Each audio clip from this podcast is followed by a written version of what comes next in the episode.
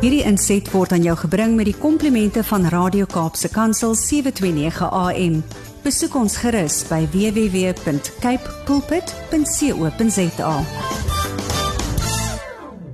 Goeiedag en baie welkom by die program Markplek Ambassadeurs, die program van CBMC Suid-Afrika. Ek is Harm Engelbrecht en is my voorreg om vandag weer met jou te gesels hier uit die ateljee van Radio Kaapse Kansel. Ons het verlede week begin gesels uh, met Andre Diedericks. Uh, hy het vir ons 'n bietjie vertel verlede week wie hy is en wat hy doen. 'n Interessante man wat ehm, 'n um, wye belangstellingsveld het en en behoorlik navorsing doen wanneer hy oor goed skryf.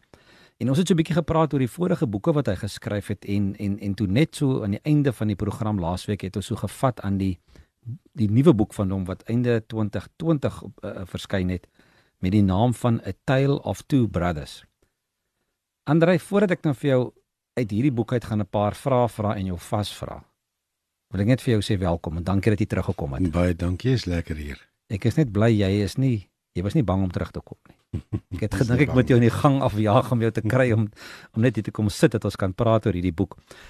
Andrei, wanneer 'n mens 'n boek lees en en ek ek doen dit gereeld. Ek lees eers die agterblad, dan kyk ek wat sê die mense oor die boek en as dit dalk 'n biografie oor die skrywer is, dan lees ek nou dit. Nou ek gaan nie nou eers daaroor praat nie. Ek gaan nou eers praat oor die binnekant, want as ek 'n boek oopmaak, lees ek ook die voorwoord. En die bedankings ook natuurlik. Dankie vir almal wat my gehelp het en ek sien dis 'n paar name wat hier voorin staan van hulle ken ons. Maar nou begin jy met jou voorwoord en in bold vet letters staan die volgende woorde. Someone hates you. Dis reg ja, dis die heel eerste woord in die boek. En dan staan daar someone hates you for being different. Ja, dis die wêreld waarin ons lewe. En ehm um, baie mense is geskok oor daai eerste sin wat hulle lewe, maar dis presies die wêreld waarin ons lewe. Dat ehm um, iemand haat jou nie omdat jy iets aan die persoon gedoen het nie, iemand mag jou velkleur wees of dit mag wees waaraan jy glo.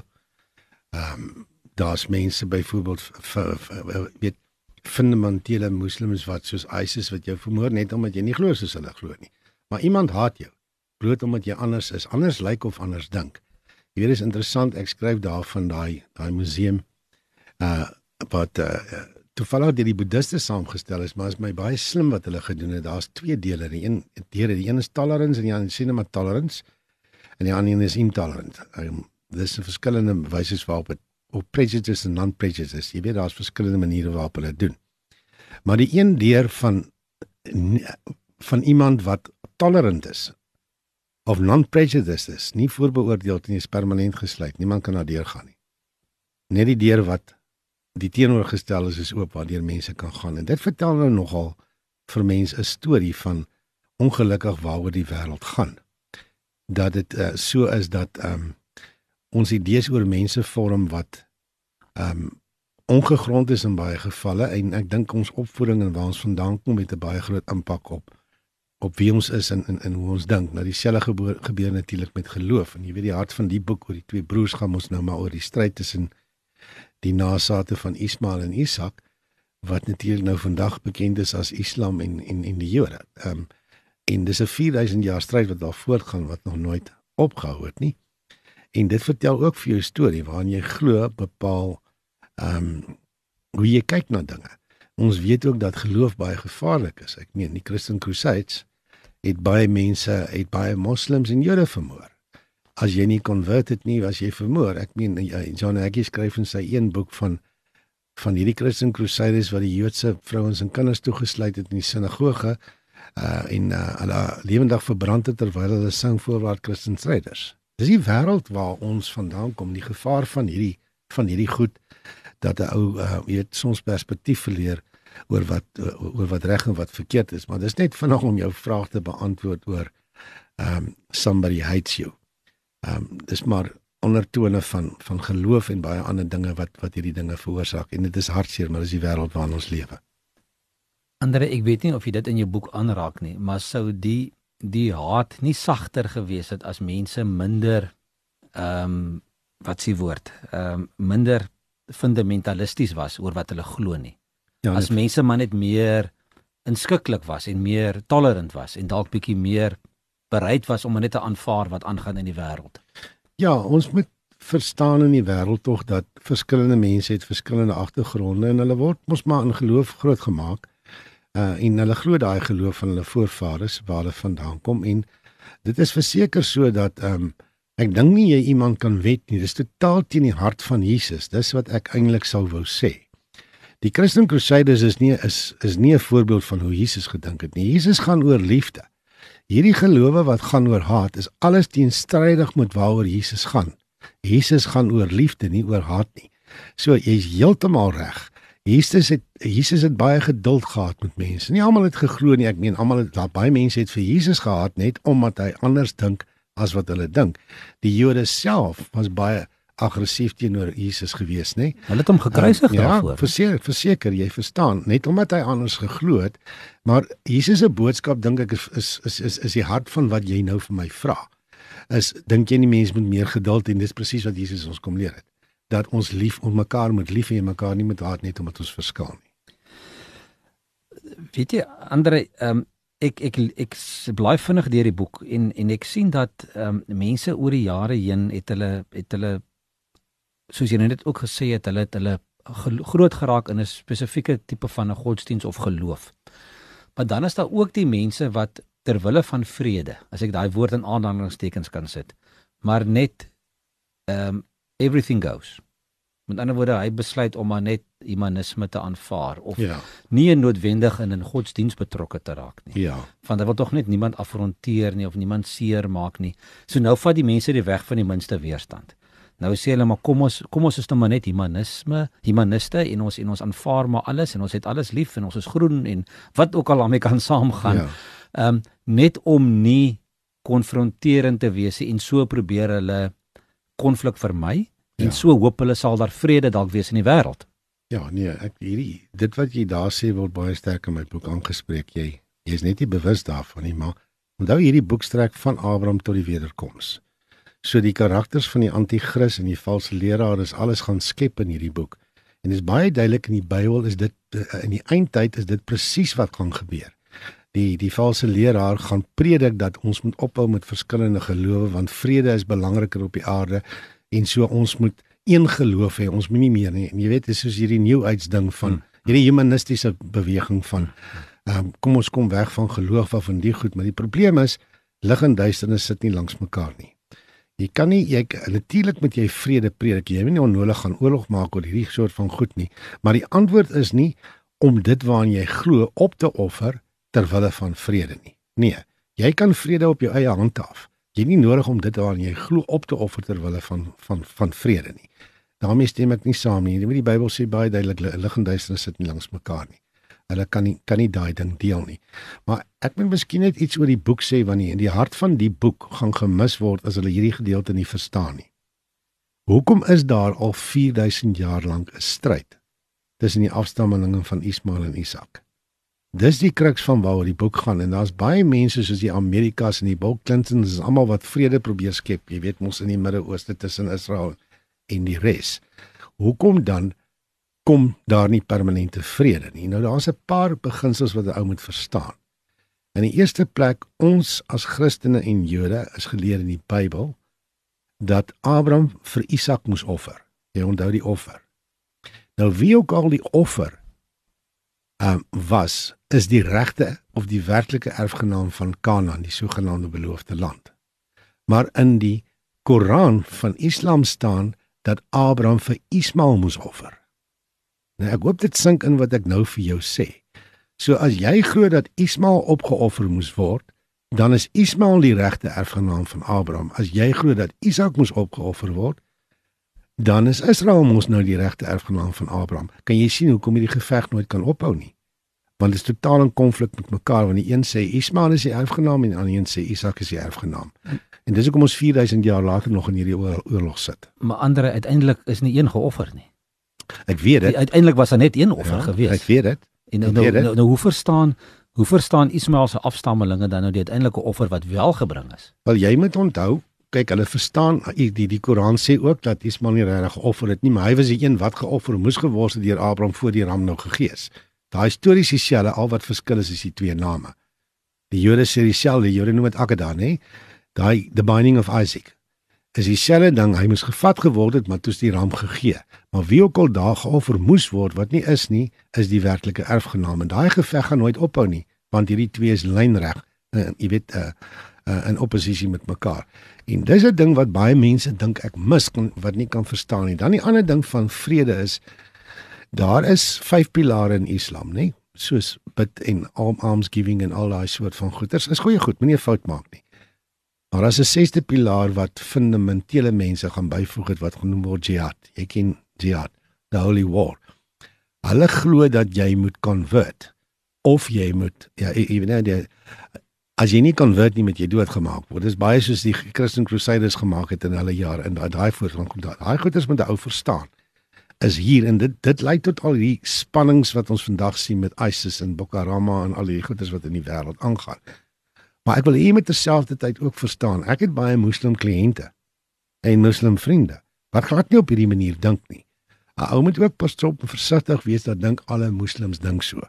Net soos alle Jode en alle Christene en alle moslems nie op presies dieselfde manier dink nie, moet ons dit tog nie vergeet nie. Nie almal is hiervoor nie, maar hierdie ouens wat erg is, wat jy weet hierdie radikale, hierdie radikale mense, hulle pas die beginsel toe wat genoem word hudna. Nou wat hudna beteken is 'n wet daar mag nie permanente vrede gemaak word met 'n nie-moslim entity nie. Begin jy nou verstaan? Niks mag permanent. So jy kan vrede nou hê, maar hoe nou sê dit mag nie permanent wees nie. Hmm. En dan waar ons nou op ons Messias wag, nê, om Jesus om terug te kom, wag die Jode mos nou steeds dat hy vir die eerste keer moet kom, nê, want hulle het mos hmm. nie herken nie. Hmm. Maar die moslems wag ook op die Messias, die 12de imam. Hmm. van hulle wat gaan terugkom. En daar selfs van hulle wat glo dat Jesus die imam is. Ek weet nie of jy bewus is daarvan nie. Daar's moslems wat glo dat Jesus, hulle noem Jesus Isa, die imam is. Maar dat hy gaan terugkom om die wêreld te leer dat Islam eintlik die regte geloof was. So al hierdie goeders is in die boek en vervat. Jy kan sien hierdie goeders is nie eenvoudig nie, maar die belangrikste ding om te verstaan is die woorde in die Bybel van as daar nie vrede in Jerusalem is nie, sal daar nie vrede in die wêreld wees nie. Ek het daai woorde nooit verstaan nie, soos ek die vorige vorige keer gesê het. Maar wat gebeur is die wêreld is besig om kies te kan, kan te kies vir of teen Israel. En dit skei die wêreld in verskillende kampe. So as daar nie vrede in Jerusalem is nie, kan daar nie vrede in die wêreld wees nie. Andre, ek het die voorreg gehad om Jerusalem en Israel te besoek 'n paar jaar gelede. En ek was eintlik aan die een kant geskok om te om te sien wat daar aangaan. Ehm um, op op van die heiligste plekke vir Christene ja. is daar is daar moskeeë gebou. Ja. En is daar tempels gebou. Ja. En is daar ja. nou binne in Jerusalem self is daar 'n struweling tussen mense wat daar woon en en lyk my daar's 'n daar's daar's 'n gedurende wetywering om die beheer van Jerusalem Verseker. en wat dan ook eintlik die beheer van Israel gaan. Ja, ja. Ja. Ja, kyk, Jerusalem word as die episenter van alles beskou vir vir 'n hele paar gelowe. Vir al die monolistiese gelowe, die Abrahamic gelowe soos ons sê, is dit die die keepen. Soos Joe Rosenberg vir, vir ons gesê het dat Die Midde-Ooste is die episenter van die wêreld. Israel is die episenter van die Midde-Ooste. Jerusalem is die episenter van van van Israel en dan die Temple Mount is die episenter van alles. Daar waar daai Rock of mm. Dome en daai mm, mm. jy weet waar die Joodse tempel gestaan het en daai geveg is die mees intense geveg wat bestaan. Jy vat die ding heeltemal reg, maar jy weet die naam by Jerusalem byvoorbeeld kom nie voor in die Koran nie. Daar word net verwys na die verste 'n mosk wat die Al-Aqsa Aqsa Moses wat nou daar staan waar daar van hulle is wat nou glo dat Mohammed daar opgevaar het uh met sy pad Baruch en saam met Moses en Jesus daarbo vergader het maar histories sê dit natuurlik ook aangevat want ek meen Islam uh, Mohammed was al dood toe daai mosk gebou is so dit kan nie wees nie jy, jy verstaan wat ek vir jou sê maar hmm. daai is die episenter van van alles jy het nou daar rondgeloop en jy het mos gesien daar's vier quarters daar ja, nê nee. ja. Wat is vier een wat jy nou die Armenian ja. korte nê. Nee. En elkeen is in sy eie hoekie daar en selfs daar is die spanning dik en jy moet onthou tot 67 het Jerusalem nog onder nie onder Israel geval nie nê vir die 6 dae se oorlog en dis 1967 is nou die dag is eers met 1967 wat hulle Jerusalem teruggevat het. Hulle het ook die Tempel Mount gevat, maar hulle het hom teruggegee aan die koning van Jordanië want hulle het geweet daar gaan gaan oorlog wees oor daai ding. So hulle die bestuur van daai ding teruggegee aan aan Jordanië om dit te bestuur, wat dit weer teruggegee het aan die moslimgemeenskap. So dink jy daar's toegewings gemaak as ons nou weer kan die term gebruik ter wille van vrede? Ek dink so. Ja, die Israeliete, die Israeliete Jode het dit definitief gedoen want hulle het die tempelmount, hulle, hulle het alles oorgeneem en daai ding teruggegee ter wille van vrede. Want hulle geweet daai tempelmount is waar die groot groot spanningsdraad lê. Andre nou die, die laaste twee vrae. Die een gaan 'n maklike vraag wees, waar gaan mense die boek in die hande kan kry? Mm -hmm. Maar die volgende vraag gaan 'n moeilike een wees. Dis reg. Hoe moet ons as Christene vandag wat in besigheid staan in Suid-Afrika hierdie boek verstaan? En watter hoe kan dit ons denke ehm um, beïnvloed dat ons dat ons dat ons meer beter verstaan het van wat aangaan in die wêreld? Wel, dis 'n goeie vraag. Hierdie is natuurlik nou nie suiwer 'n sakeboek nie. Dis suiwer 'n geestelike boek, maar daar's baie le lewenslesse uit die boek en ek dink dit kom ons sommer op op bladsy 1 al voor. Daar waar ek skryf somebody hates you, by selfe bladsy daaronder skryf ek dat jy moet waak oor jou gedagtes en oor jou hart.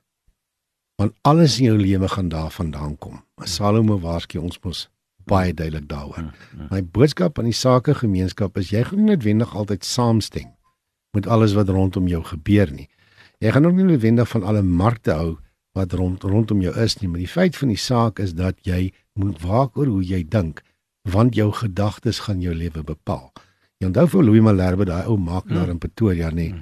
Hy het altyd gesê jy is nie wie jy dink jy is nie, maar dit wat jy dink, dit is jy want jou denke word jou woorde, jou woorde word jou dade, jou dade word jou gewoontes en jou gewoontes word jou toekoms. So my boodskap aan hulle is waak oor hoe jy dink want dit gaan nie uiteindelik bepaal van waar jy wat jy in jou besigheid doen en hoe jy handel daaroor. En ek dink dis baie skerp van Salomo dat ek eintlik dit sal as, as kern sou wil gee om jou vraag te beantwoord. Andre die ehm um, die beskikbaarheid van hierdie boek en en hoe om in die hande te kry ehm uh, moet hulle maar vir jou kontak of wat gaan die maklikste wees? Hy's nie by 'n by 'n boekwinkel nie. Nee, nee, ek het glad nie die ronde die roete gevolg van uitgewers met hierdie boek weer nie. Hy's wel in e-boek ook beskikbaar wêreldwyd. Daar's omtrent 12 verskillende Amazon en uh, Kobo en ek weet nie hoe wie almal nie. Hy's op, op baie retail eh, e-book retail stores deur die wêreld waar hy verkoop word in al die lande. Kindle is mos nou maar die Mobi files en die res is die EPUB files. Ek het al hierdie goed moes leer want ek het hierdie boek self in 'n e-boek gaan gaan skryf ook. Dit was 'n redelike ondervinding geweest hoor om dit reg te kry, maar ek het dit reg gekry.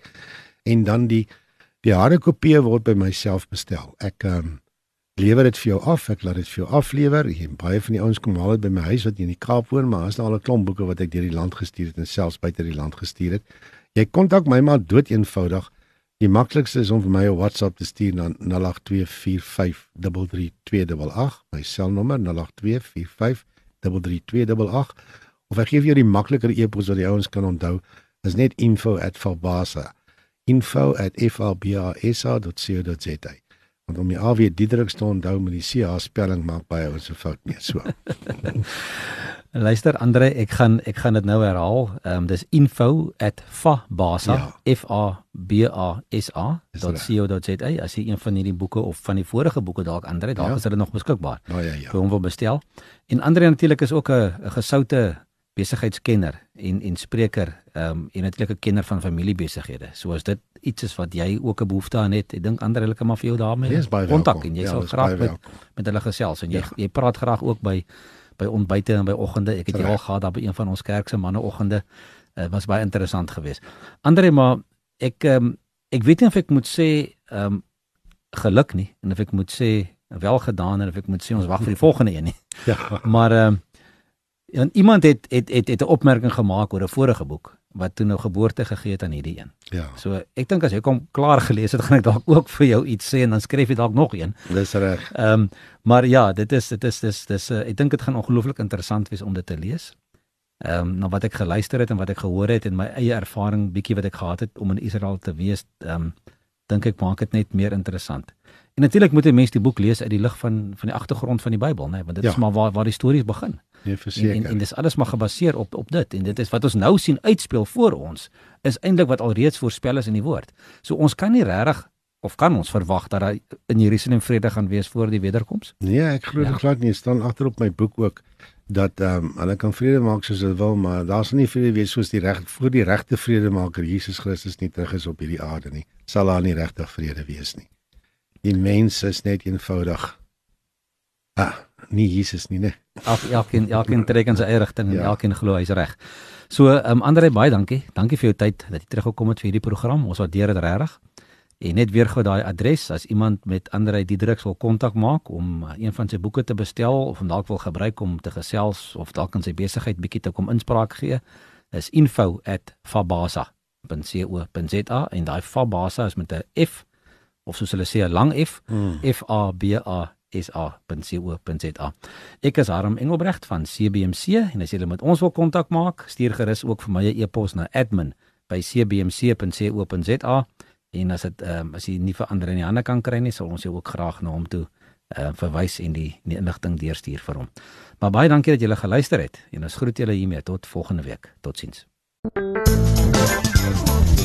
Hierdie inset was aan jou gebring met die komplimente van Radio Kaapse Kansel 729 AM. Besoek ons gerus by www.cape pulpit.co.za.